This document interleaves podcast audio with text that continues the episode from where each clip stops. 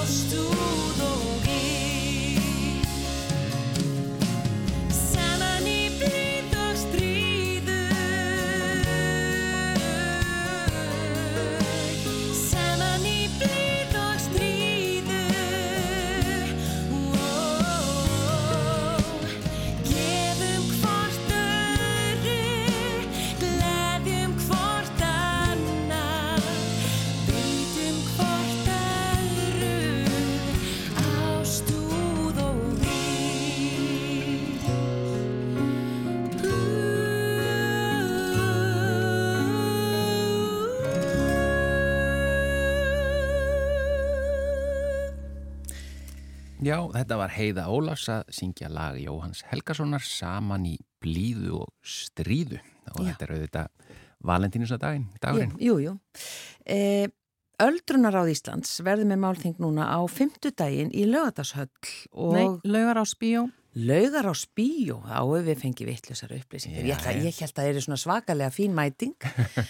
en laugar, nei, hérna, laugar á spíó, einmitt. Eins gott að eh, senda fólk á réttan stað. Já, það er nú aldeilis.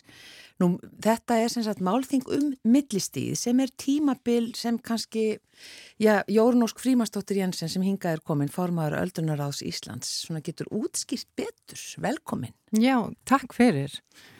Já, get útskýrt betur eða hvort að við erum að hugsa málþingið emmitt til þess valdið að skýra það og fara yfir þetta með okkur. En það sem við erum að hugsa þarna er þetta stig millir þess að vera svona aktífur og virkilegur þáttakandi í, þið veitir, í vinnu og, og lífinu og nóg að gera og með rútínuna sína og og síðan skilur þau tímabili sem kemur þarna á milli og þar til síðan þú færði að þurfa mikla þjónustu og jafnvel að fara inn á hjókunarheimili. Uh, þetta er svona stíi þar sem að fólk fyrir að finna til óryggis eða vill fara að plana eða vill fara að finna sér farveg þar sem að það getur elst eða mist getuna sína og þarf að fara að nota jafnvel einhver hjálpatæki eða komast um með göngugrind eða, eða eitthvað slíkt en vill samt geta lifa sjálfstæðu lífi.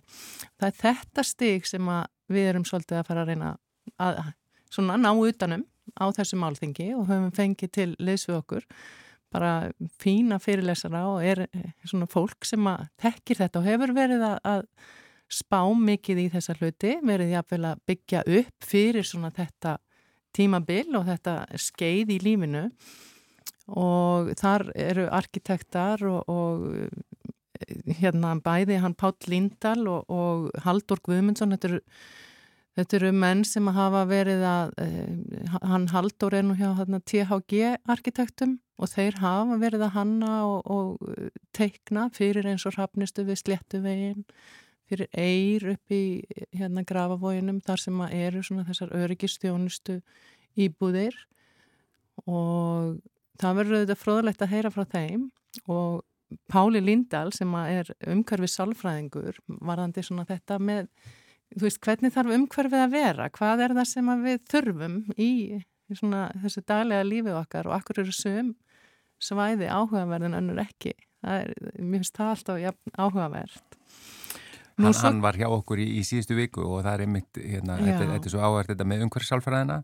En það er e, þá væntanlega eins og fyrir millistíð, fyrir þennan, e, þennan aldursópa þá er eitthvað, þá þarf e, umhverfið að vera sniðið að þeim.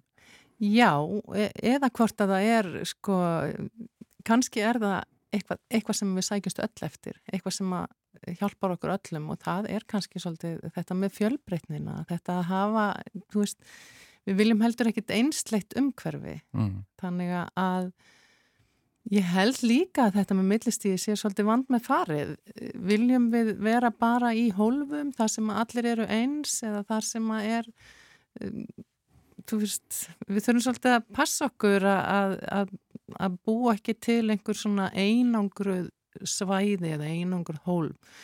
Uh, nú er þetta mín skoðun, en ég, ég, ég óttast það að það geti orðið þá svona uh, vantað fjölbreytnina og vantað lífið í kring og, og ég var nú að lesa mig til eða, eða skoða bara í gær varandi leigu íbúðir fyrir eldri borgara þar sem ekki má vera með gæludýr veist, það eru svona hlutir sem við þurfum að þetta spá í og ég bara ávona því að Páll eigi eftir að, segja okkur einhvern helling um þetta mm.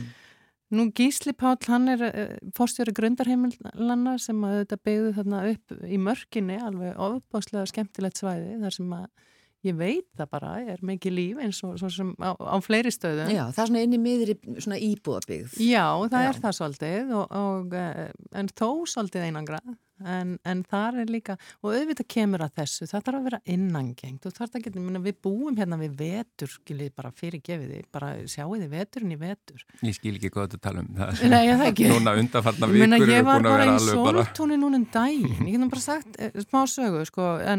ég er í sóltunum daginn þar sem ég keiri fram á mann sem er að ganga á gödunni til viti með staf Já. og hann er að fara frá blokkinni yfir í sóltún hjókunarheimili þar sem að hann er að fara að heimsækja konuna sína hann, en hann býr í þjónustubokkinni einum megin við það er ekki innangengt og það er ekki einu sinu upphyttaðu stígur allar leið að það náttúrulega laga þetta en ég tók mannin upp í þarna fyrir utan húsið á honum og kerða nákvæmlega 70 metra til mm. þess að kom veist, já, þetta var, já, ég meina þetta var bara það var svo mikil klaki og við erum bara á Íslandi sko. þannig að auðvitað skiptir þetta líka gríðarlega miklu máli já. og skiptir miklu máli fyrir þetta millistegi og öryggið, samveruna geta hitt fólk og einangrast ekki og, mm. og allt þetta Já og í, já, einmitt svona þessum byggingum sem við erum að tala um, mm. þar þarf að vera svona eitthvað og einhver rými þar sem hérna, fólk getur verið saman og, Já, já, og svo hérna, má alveg hugsa sér að auðvitað getur fólk líka búið það til sjálft. Um leiðu það er orðið margir en það þurfa að vera þessi rými, það þarf að bjóða upp á það þið vitið húsna eða það sé hægt að vera með eitthvað eða hittast í brits eða hittast í kaffi eða, mm. eða bara prjóna eða, eða eitthvað slíkt. Og það eru náttúrulega fleiri eh, sem að hérna koma þarna á þessari ástöfnu eins og Berglind Magnúsar, hérna sérfræðingur uh, hérna hjá uh, félagsmálaráðanitinu, hún er að, að hérna, leiða vinnuna hjá félags- og vinnumálaráðanitinu mm. varðandi svona málefni aldrara, getur við sagt og, og það eru hérna hann Jóhann Ingi Kristjánsson frá Arnarlandi sem að mér finnst áhugavert að hlýða á því þar er verið að auglýsa núna byggð fyrir 50 pluss og, og þá spyr maður sig sko, heimilsu eflandi byggð menna erum við farin að hugsa um þetta strax um, bara upp úr 50 eða þegar börnin eru farin að heiman og fólk er farin að hugsa um að kannski koma sér í, í minna húsnæði það er óþarfi að vera í því stóra sem maður er í. Og er þá kannski bara tímabært að hugsa þetta alla leið mm. að maður sé þá komin í umhverju þar sem er öryggi eða já, ég veit það ekki. Já, mér veist það ungt og svo auðvitað fáum við notendur og, og við vonum auðvitað að við fáum bara sem flesta eh, eldri borgara ja, ekki den, jú, eða sko, flesta þetta, þetta hugtak, millistíð eru þið, er þið bara að byrja með það eða er þetta, því ég hef ekki hirt þetta áður þetta, þetta er nokkuð nýtt hugtak eru við, er við já, að verða eldri ég... og fleiri og þá er alltaf átt okkur á þessu, þessu gapið þarna á milli. Mm. Þetta er nú bara eitthvað sem kom upp í hugaflugi hjá okkur í stjórn öldrunaráðs uh, hvað ættu við að láta ráð, hérna, ráðstöfnuna að málþingið heita og þar, sko það, svo var eini í stjórnir sem kallaði þetta alltaf millistykkið mm -hmm. og, og hérna, en millistíkið var svona, okkur finnst það ná mjög vel utanum þetta. Þetta er svolítið millistík í okkar lífi, þetta er svolítið svona sem kannski auðvitað er oftar í okkar lífi, það má alveg segja það mm -hmm. en það er þetta millistig sem við erum að hugsa Já. en hefur, þetta er ekki skilgreynd sem slíkt nei, eða eitthvað svoleiðis, það er engin, engin stór fræði á bakviða. Nei, en þetta er náttúrulega sístækandi hópur, hvað e... Svo er hópurum bara svo ofbóðslega fjölbreyttur. Já, sko. vitið hvað þetta er stór hópur, svona sirka? Bú Ég ætla nú bara eiginlega ekki að fara að skjóta á neina tölu svona akkurat núna. Hann er í það minnsta vaksandi. Já, hann er mjög stór. Já. Ég meina 30-40 þúsund meira, 60 þúsund. Mm. Ég, bara, ég, ég verð bara að segja eins og þér, ég er ekki alveg með tölunar á, á hraðbergi. En ég meina, hópurinn spannar kannski 40 ár. Við erum alveg að tala um frá 60 til 100 ára. Ofubóðslega ólíkar þarfir, ólíkar hérna bara hugsanir, ólík geta ólík sín og jáfnvel ólíkur bara, sko, það er bara menningamunur innan þessa uh, hérna, tímabils eða á þessum stað. ja, ja. og það er eitthvað sem við verðum líka auðvitað að horfa til og við getum ekki ætlað öllum að fara í sama farið og það er engin einlaust, þess að það þurfa að vera margar og það þarf að en það þarf, ég held að sé mjög mikilvægt að fara svolítið að tala um þessa hluti, nú fólk er að tala um, um hérna sambíli eldriborgar, það er óskup einfalt að í rauninni búa til sambíli það bara taka sér saman nokkur og, og, og gera eitthvað í, með það eða í því. En, en hérna auðvitað, minna, það kemur líka fulltrú frá borginni, borgheldur arkitekt sem að fer yfir svona skipula og hugsununa þar til þá lengri tíma hvaða lóðir er verið að tala um? Félag eldriborgara er sjálft að byggja eh, og standa í því að fá útlutað og fær það þá með eh, öðrum hætti heldur en akkurat einhverju verktakar. Þannig að það verður gaman að bara virkilega fara yfir þetta og eins og ég segi, þetta verður í laugar á spíó, við ætlaðum að vera á Grand Hotel en vegna verkfalls að þá þurftum við að flytja málþingið og fórum og fengum inni í laugar á spíó og við vonast til þess að geta streymt þessu líka og munum setja það inn á öldrunaráð.is sem er vefsíðan okkar, þar er allar upplýsingar Já. og dagskráinn og annað slíkt og ég bara enn og aftur það eru allir velkomnir og sérstaklega auðvitað þeir sem eru svona að hugsa þessi mál og vilja kynna sér betur hvað er, hvað er að gerast í þessu málum. Já. E, og þetta byrjar klukkan hvað? Klukkan eitt á fymtudag. Eitt á fymtudagin, já. já. Það var einmitt það. E, bara kæra þakkir Jórun Ósk Frímansdóttir Jensen, formaður Öldrunaráðs Íslands og uh, þið getur farið inn á þessa síðan sem hún sagði öldrunaráð.is Já, það er allt að finna. Takk kærlega fyrir. Takk fyrir. Blöð.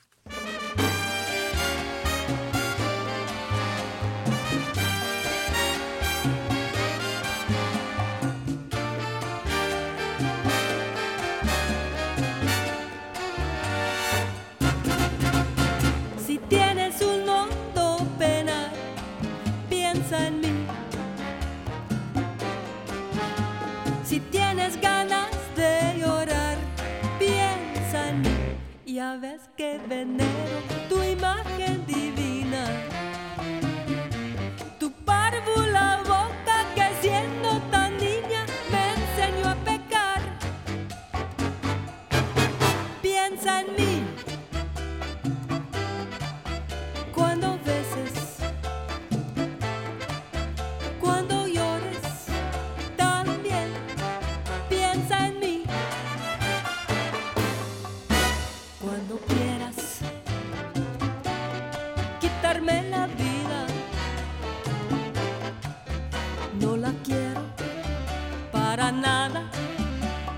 night.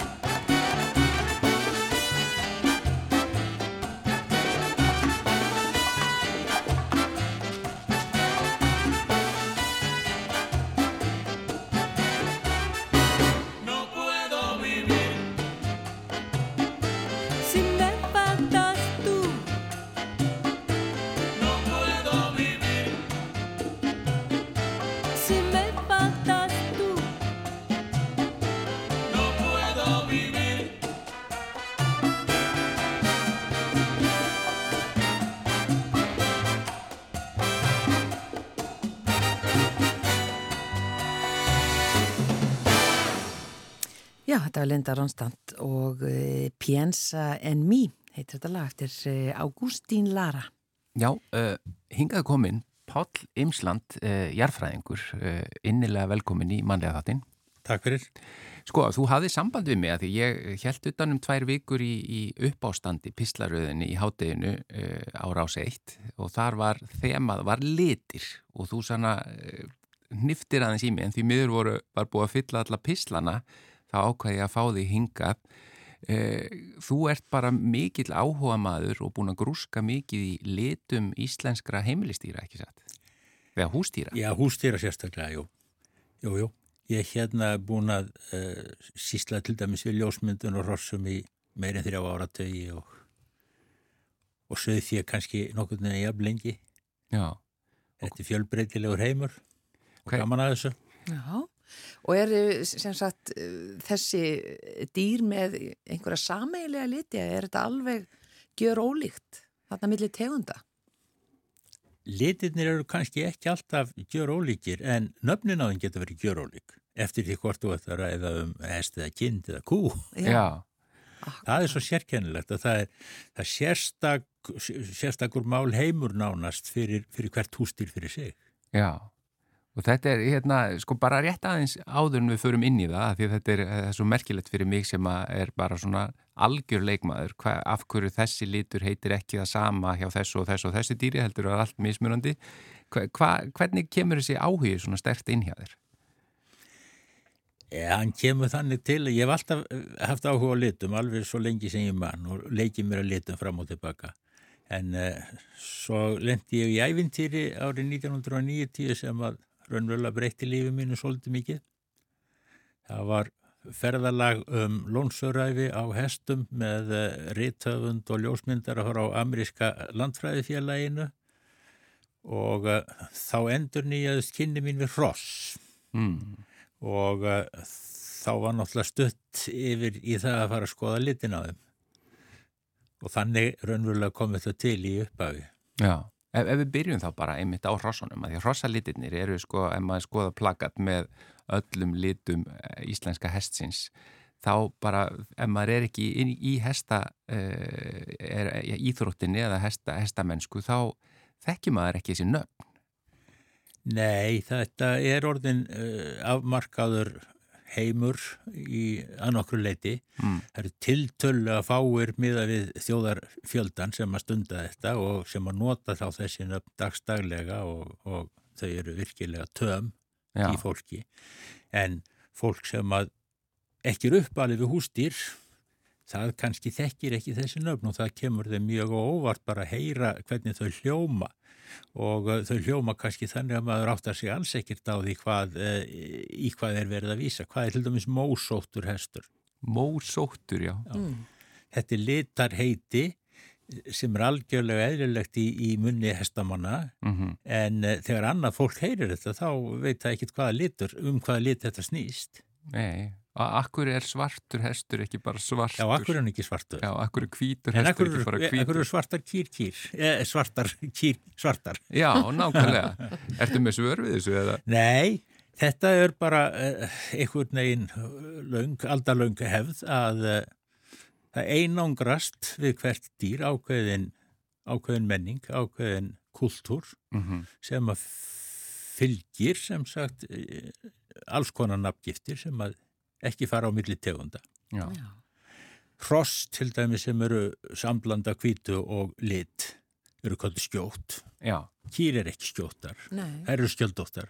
einmitt. Kindur eru ekki skjóttar og ekki skjöldóttar, þær eru flekkóttar. Já.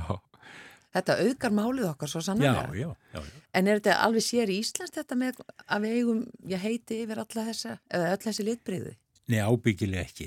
Það eru ótal, ótal hérna, eh, sérstaklega einangraðar svona uh, litlir rosastofnar hinga og þangaðum heimindar sem að þar sem að öruglega ríkja líka sérstakar nafna hefðir. Mm. Og he, þú, við vorum að ræða áður en við fórum í loftið að þú hefur áhyggjur af því að þetta sé að týnast í íslensku máli.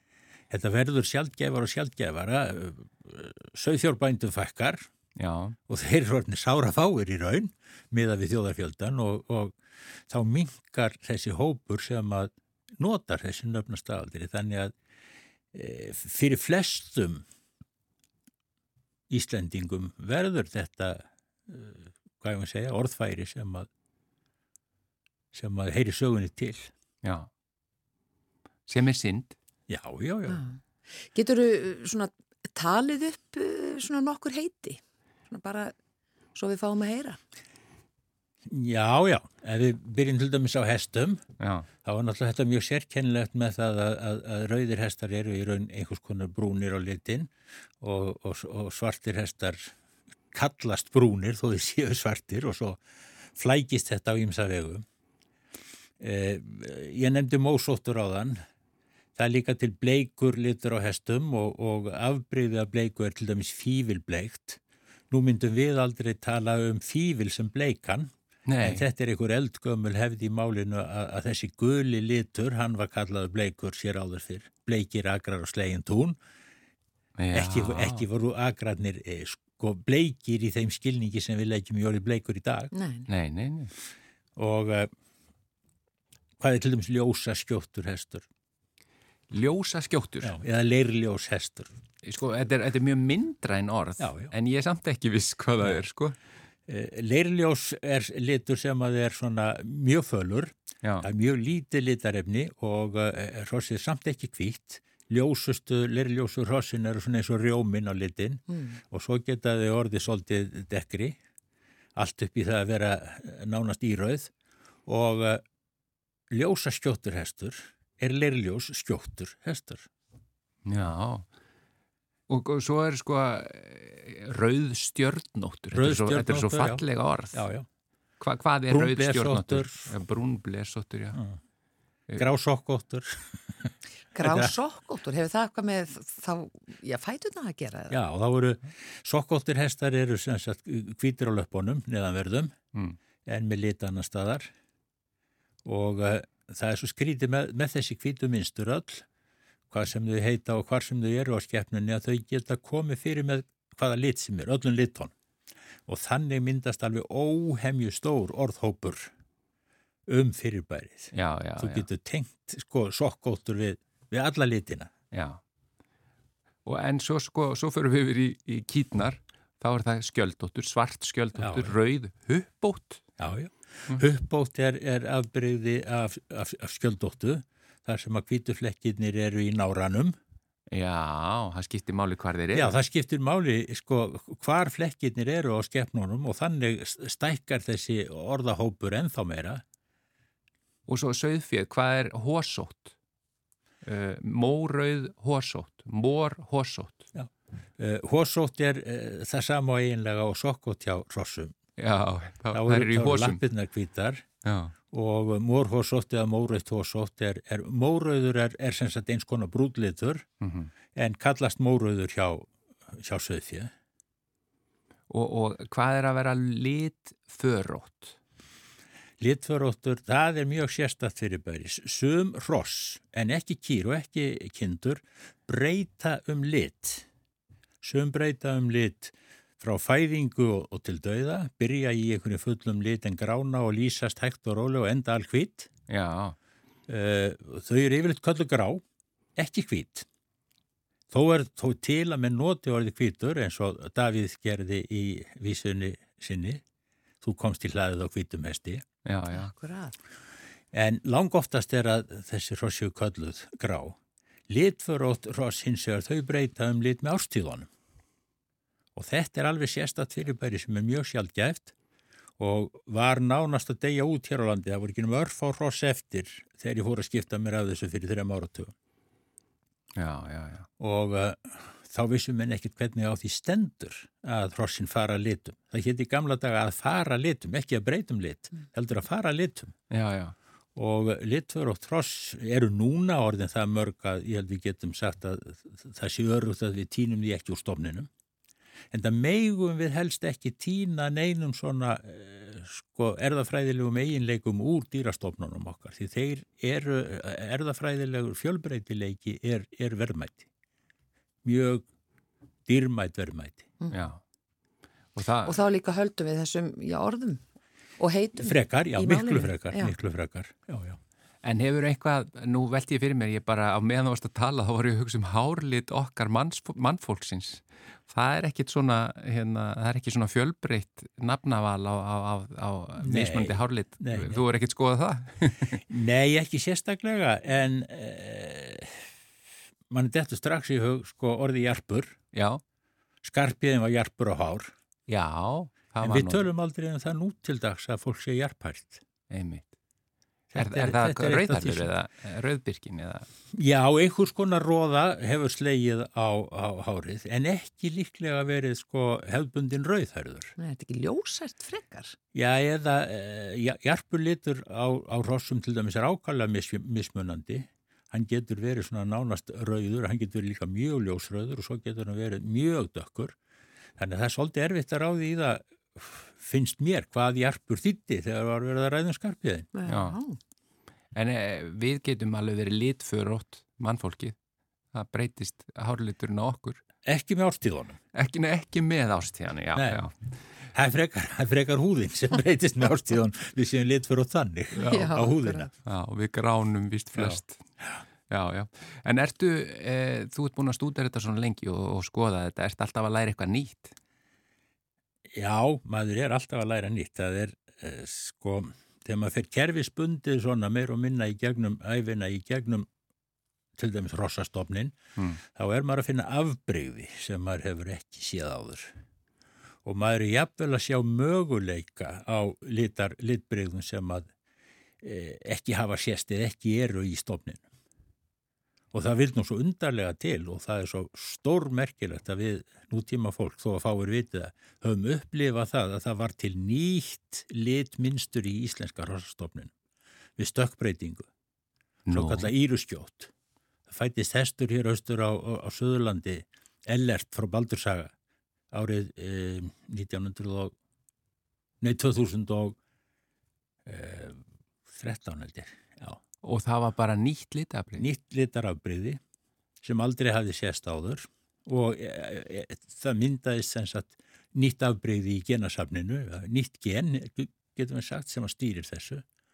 Og þessi hestur, hann er búin að gefa nokkuð mörg afkvæmi og það kemur í ljós að eh, þau erfast þannig að um það byrj helmingur af afkvæmi hans ber, ber þetta litmynstur og getur blandað því? því með, með hérna hvaða lit sem vera skal. Hvernig myndur þú lýsa þessu mi- litmynstri? Íru skjótt er þannig að, að hérna hárin, hvítu hárin þau mynda svona yrjur út um skrokkin en ekki ákvæðan að hvíta flekki Já. ekki reyna hvíta flekki það gerir sumstaðar verða flekkið til hvítir en sumstaðar eru þeir dökkir og sumstaðar mjög ljósir þannig að, að, að þetta er mjög, mjög breytilegt á milli einstaklinga en það eru sem sagt um, það verður að blanda saman í hverjum flekk meir og minna lituðum og ólituðum hárum Já, Þetta er mjög áhugavert. þetta er mjög áhugavert, já. Páll Imsland, er einhver staðar hægt að, hefur einhver staðar sett þetta niður? Það er að segja, er einhver staðar hægt að lesa yfir svona þínar, þitt grúsk og, og þínar rannsóknir eða, eða hefur haldið utanum þetta? Eh, Já, já, sérstaklega í myndasafni en, en ég hef ekki skrifað neitt hilstætt um þetta, ég hef skrifað fjölda, fjölda greina um hinn og þessi afbreyði í litum og svona en og, og dó- dóttir mín með mér líka sem að er læriður sérfræðingur í hústýraerðum og uh, það eru náttúrulega til eldri bækur um liti en það er óskaplega margt í þeim ófullkomi núorði því það er bæst svo mikið við að vittneskju bara við það að menn hafa stúderað þetta betur og meir heldur en áður var gert. Þannig vissi til dæmis enginn þegar ég byrjaði að skipta mér að litfóruðum hrossin hvernig stóð á því að hrossin fóru litum Mm af hverju þau breyttum lit. Því var, því var vittlaust líst á hérna eh, prenti af því að menn höfðu ekki sko, umgengist þessi hross allan ársins ring og, og fylgst með hvernig breytingarnar gerast og af hverju það reyga sér stað. Já, uh, þakka þér innilega fyrir að fræða okkur aðeins. Nú, þetta voru allan að vakja áhuga okkar. Ég, nú förum við bara að grúska meira og skoða. Já, takk sömulegðis. Eh, Páll Imsland, takk fyrir komin í manlega þáttin.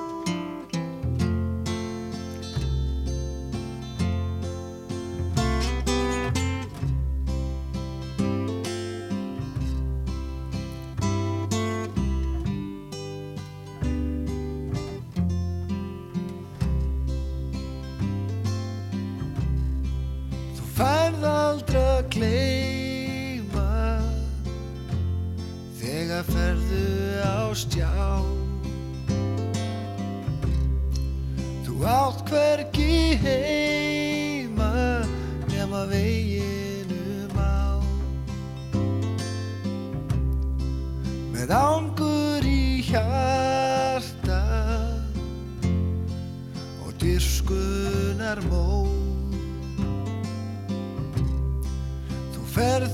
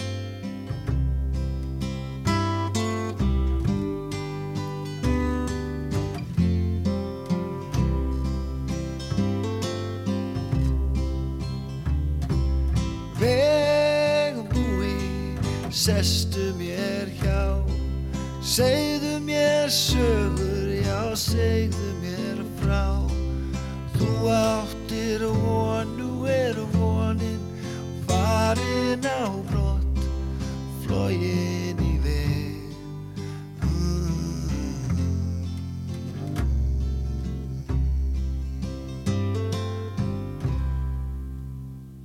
Þetta var Káká og Vegbúin. Já, við ætlum að forvitnast núna næstu uh, mínútunar, hingaði komin Guðrún Ólastóttir, uh, við ætlum að forvitnast um það að ferðast ein um heiminn. Uh, við rákum augun í námskeið sem við varst með hjá Endurmentun Háskóla Íslands sem að hétt bara akkurat það að ferðast ein um heiminn. Velkomin í mannlega þáttinn. Já, takk. Þú hefur stundað þetta í talsverðan tíma.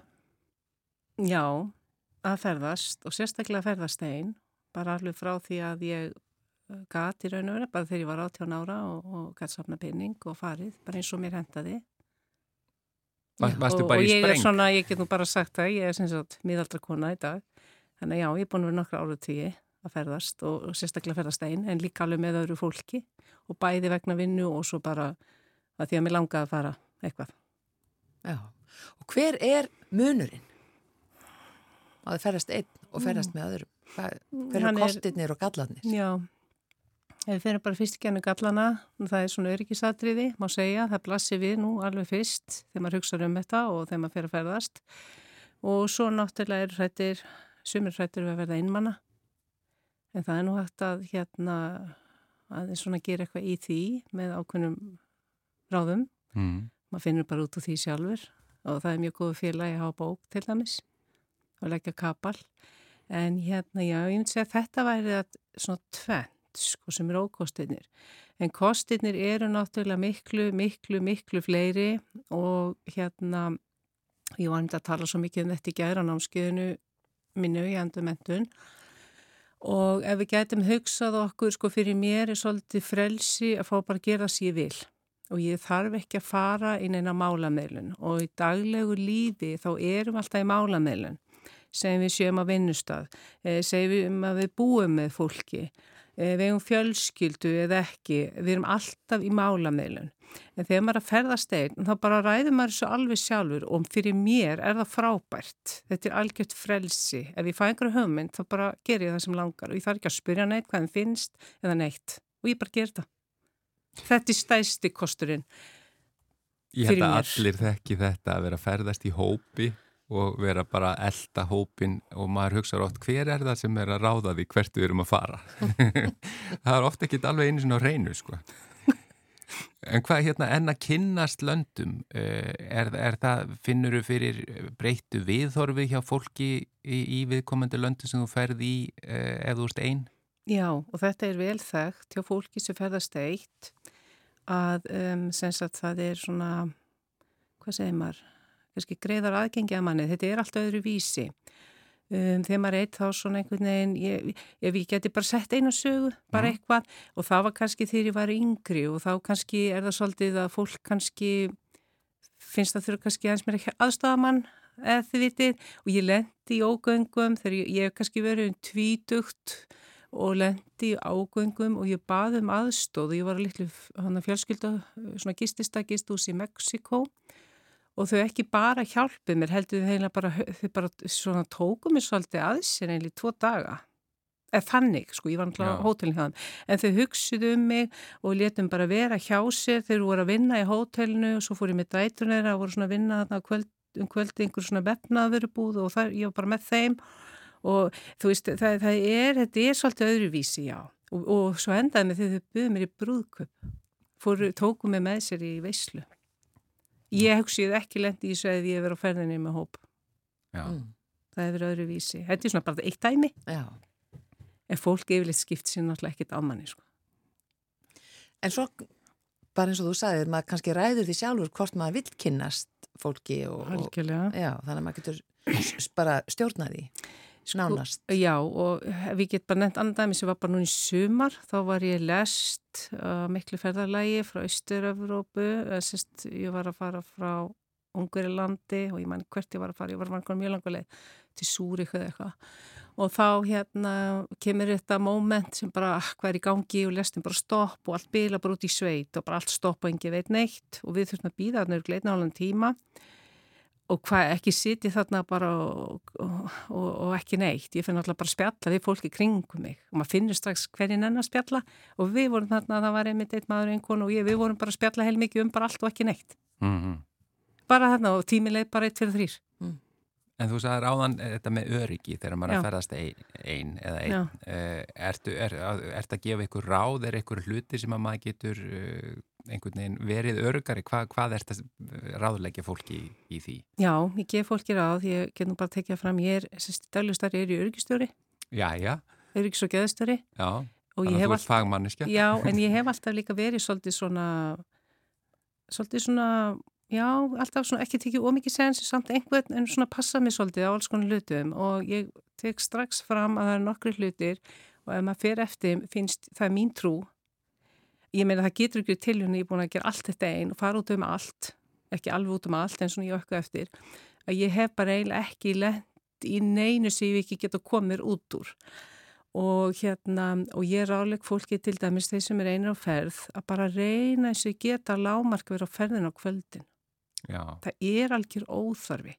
Ég er búin að gera fullt af skemmtum hlutum og það hefur ekkit kallað að vera á ferðin á kvöldinu fór tónleika og um, ef maður er á þryggjastöðna hóteli og getur maður yfirleitt borða bara þar. Mm skilja bara sleppti að vera að ráða eitthvað. Og svo ef það er, ef maður kannski að farfugla heimilega einhver óduríkisti staði eitthvað svona er engi hana veitingastæður, að þá getur maður oft bara farið, ef þú ert í borg, nú er ekki að mér það, þá er oft einhver svona lítil búð rétt hjá og getur bara kiftir eitthvað svona. Og stundum er þetta að hita þau upp á hótelinu, ég veit það ekki. En ég er svona, þetta er fyrsta rálegging og þetta er fyrsta sem ég passa og að vera ekki að koma á nýjan stað sent á kvöldin í myrkri. já, Þú er strax eiginlega, ef þú sleppir þessu, þá ertu strax eiginlega bara búin að útilegkóli rosalega mikið, mikla áhættu, mikla líkur og eitthvað gerist. Bara þetta. Mm. Svo fullt, fullt annars í talum. Já. E, svona, hvar er þægilegast að ferðast einn. Þá er ég ekki að tala um svona hvað er mest spennandi heldur bara svona þægilegast. Ég held að sé nú svona almennt talað um að það er mjög þægilegt í Evrópu.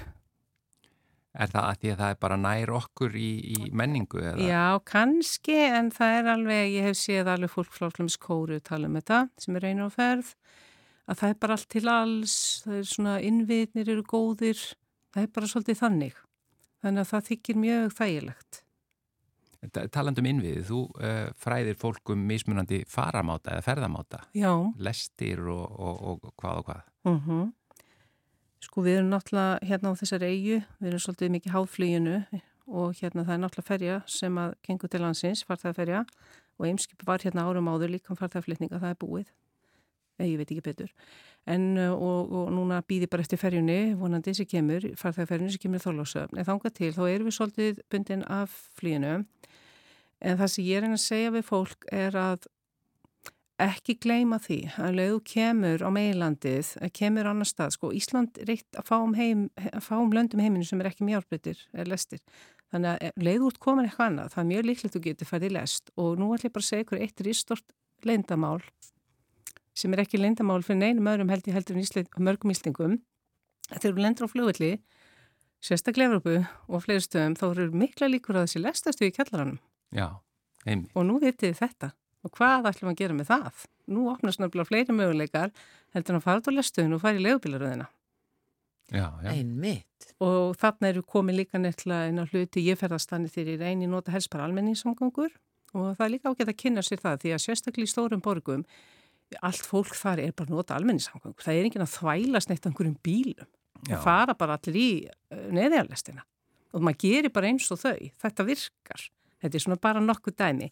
En þetta með þessa blessuði lestastuð sem er í kjallaranum, að það eru oft bæði sem sagt, hvað segir maður, samgangurinn í borginu og svona lokal uh, staðbundnar hennar samgangur, en svo aftur er líka stundum hægt að fara lengra, beint frá lestuðin, einst oft verðum að þó farin og aðlestuðin en í borginu og taka þaðan tengingu. Mm -hmm. En þarna likur bara að hugsa um okkur að við myndum fljúa til mjög gott dæmir Amstidam Mm -hmm. eða Frankfurt. Ég það bara, það bara, það er bara öll Evrópa líkur hann bara fyrir þér sko. Já, og ekki bara Evrópa, þú getur raun og veru tekið svo ferjur sko. Það er annað, það er ferjurnar Já, og það er alveg ótrúlegur heimur og ég er bara svona rétt að kynast í núna, mjög spennandi. Og það er nokkuð ferjufyrirtæki bara hérna í Norður-Evrópu og við erum að tala um sko ferjur, ég meina að þetta er bara luxusfleiti og ekki svo dýrt. Þú fer bara þeim klefa og það er bíó og, og hvað veit ég og veit ekki að staður og Já. Þannig að það þarf ekki að fljúa allt þegar maður er komin af eiginni hér. Nei, það er sko ekki fara- fljú, þarf þetta heldur ekki að taka hennan bílegu bíl. En Eftir öll þessi ferðalög, eh, Suður-Ameríka, Mið-Ameríka, Norður-Ameríka, Afríka, Evrópa, hvað, hvað áttu eftir? Hvað er svona draumaferðirnar sem eru framundan? Eh, Það er Asja sem er næst og það eru nokkur hluti sem að ég er mjög forvitin með þar uh, eins og Japan, eða sko Japan, ég er svona að hugsa svolítið um Japan, Kína og Suðurkóru og tengja það saman með ferjusiklingum. Það er mjög ríkur ferjukultúr þar, mikið af ferðarferjum, sérstaklega kringum Japan, mér langar að fara í það og ég fer ekkit frá kynna með lestakerfi í Kína, það er bara þannig. Já, það hlýtur að vera svakalegt. Það er það stæsta og hraðskriðsta í heimi Já. og þeir eru náttúrulega að skoða núna nýja tækni Já. Sem maður getur fara ennþá hraðar þannig að ég fer náttúrulega ekki frá sínum að skoða það. Já, vá.